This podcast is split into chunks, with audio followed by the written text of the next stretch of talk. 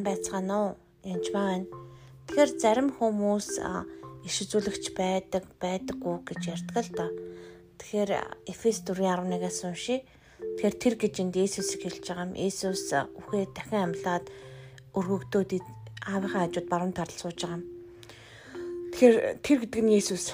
Есүс зармыг нь илч, зармыг нь иш үзүүлэгч, зармыг нь сайн мэдээг тунхаглагч, зармыг нь хончин ба багш болгожээ. Тэгэхээр эзэн энд томилсон байх нэ. Тэгэхээр зармыг нь илч, зармыг нь иш үзүүлэгч. Тэгэхээр тэр хүмүүс заавал би профит ч юм уу болох гээд заавал албан тушаал шунах албатай биш л дээ. Энийг бурхан өөрөө томилдог байгаа. Иесус өөрөө тэгээд иш зүйлгийн бэлэг авьяастай хүмүүс зөндөө байдаг. Аа иш зүйлэгч нар ч гэсэн байх боломжтой гэсэн үг. Тэр байтугай илч ч гэсэн элчийн бэлэг авьяастай хүмүүс ч бас байж болно. Тэр сүм чуулганыг босгон байгуулж тарьдаг хүмүүс гэсэн үг. Аа тэгээд энд бас зөвхөн сайн мэдээний бэлэн бэлэг авьяастай зарим нь хончин буюу багш а пастор те зарим нь болохоор зөвхөн хичээлэг заадаг багш нар байж болно. Бүр холилдсон хамтдаа байдаг ч хүн бас байж болох юм.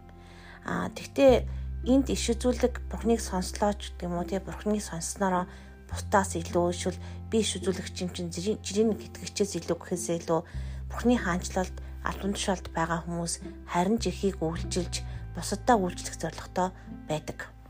Цааш нь үргэлжлүүлж унших юм бол та ойлгоно. Эдгээр нарийн хүмүүсийг үйлчлэлийн ажилд бэлтгэж Христийн биеийг байгуулахын тулд юм. Тэгэхээр энд байгаа албан тушаалууд ямар зорилготой гэвэ гэхээр ариун хүмүүсийг үйлчлэлийн ажилд бэлтэнэ. Тэгэхээр үнэхээр Христ итгэгч нарыг үйлчлэлийн ажилд бэлтгэнэ гэсэн үг. Үйлчлэгч болгоно гэсэн үг. Яагаад бэлтгэж байгаа юм бэ гэхээр Христийн биеийг байгуулахын тулд Христийн бие бол бид нар Христийн биеийг байгуулахын тулд эдгээр хүмүүс ажилдаа шамдаж орно гэсэн үг.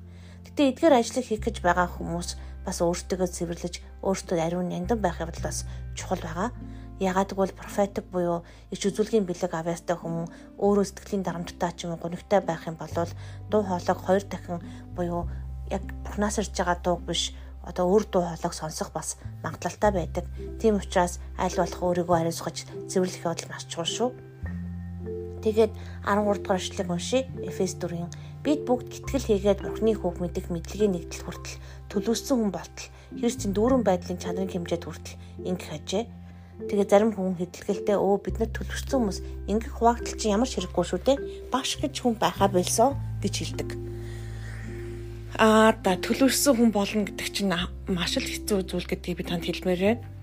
Үүний үр дүнд би цаашид хүүхэд байхаа болж давлгаанд эн тэн жидэгдэн аливаа номлолыг салих хүмүүсийн ов мэх болгон залхаа хувилдааны башир арган туугдалгүй харин хайр дотор үннийг яран тэргүүн болох түүнд рүү Христ рүү бүх талаар өсөх ёстой.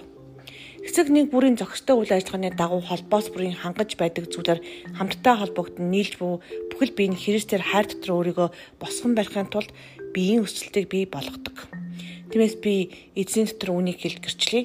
Харин үндэстнүүд оюун санааны хоосол дотроо явдаг шиг та нар цааш тэгж болохгүй. Тэд өөрсдийн дотор буй харанхуй байдлаас зүрхнийхээ хат тугаас болж оюун ухаандаа харанхуй болж бүхний амиас хөндөрчээ. Тэд мэдрэмжгүй болж цэсэн бүрийн бузар булаагч унахаар үлдэхийн тулд тачаангуй байдалд өөрсдөө тушаажээ. Харин та нар ийм замаар Христийг сураагүй. Есүс дотор үнэн байгаачлан та нар үнэхээр түүнийг сонсож түгээ сургацсан юм бол чиний амьдралын урдын хэм маягт хамаарах зал мэхийн зал мэхийн тачаалын дагуу ядарч буй хуучин үнэ та нар тайлж оюун санааныхаа сүнс дотор шинжлэхдэж зөвхт байдал болон үнний ариун байдал дотор Бурхны дагуу бүтээгдсэн шинэ хүнийг өөртөө өмс.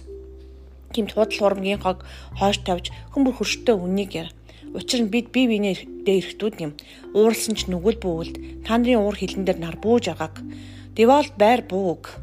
Тэдгээр үгнүүдийг сайн сонсох юм бол уур хилэн дээр нар бууж байгаа гэдэг үг маш чухал шүү. Тэгээд та ямар нэгэн уур хилэнтэй байгаа бол тэрийг өдөртөө орхих хэрэгтэй, уучлах хэрэгтэй хүн байвал унтахаас өмнө уужил цэвлэж дуусгах хэрэгтэй. Энэ ингэсээр бид нар деволт байр тавьж өгөхгүй байдаг. Тэгэхээр деволт байр бүү гэж. Тэгэхээр деволт өмхөх ямар ч өмхөж болохгүй гэсэн. Хулгайч хүн цааш тулгаа бүхий харин гачигталтай хүн хуваалцах юмтай байхын тулд өөрийн гараа санийг үлдэж хөдөлмөрлө. Та нарын амнаас ямар ч ялзарсан үг бүү гараг. Ямар ч ялзарсан үг. Вау. Харин хэрэгтэй үед бусдыг босгон дагуулахын тулд зөвхөн тустай үг хэл. энэ дээр бас анхаарах хэрэгтэй байдаг иш үзүүлэн гэж хэлэнгүүтэл янз бүрийн доо хүмүүсийг доош нь хэлсэн үгнүүд хэлж өгдөг. Энэ дээр бүр тодорхой хэлсэн байгаа хэвээр бусдыг босгон байгуулахын тулд зөвхөн тустай үг гэж ямар ч ялзарсан үг бүү гар гэж хэлжээ. Тэгвэл энэ сонсож буй хүнд нэгүслийг өгнө. Бурхны ариун сүнсийг бүү гомдоо. Золилтын өдрөн төлөө та нар түгээр тамглуулсан билээ. Альва хорсол уур хилэн шуугаан гүтгэл нь бүх бузар мөгийн хамт танараас зайлаг. Бурхан та нарын Христ дотор уучлсны адил биевний уучлал нь нэг нэгний инэрэн уян зөөлөн сэтгэлээр ханд. За тэгээд бараг л библийн ичлэлээр та бүхэн подкаст хийчлээ. Тэг үнэхээр гайхамшигтай үг байлаа. Эзэндээ баярлалаа. Та бүхэнд энэ өдрийн үнэхээр нэгүсэл нэмэрлэн дүүрэн байгээ.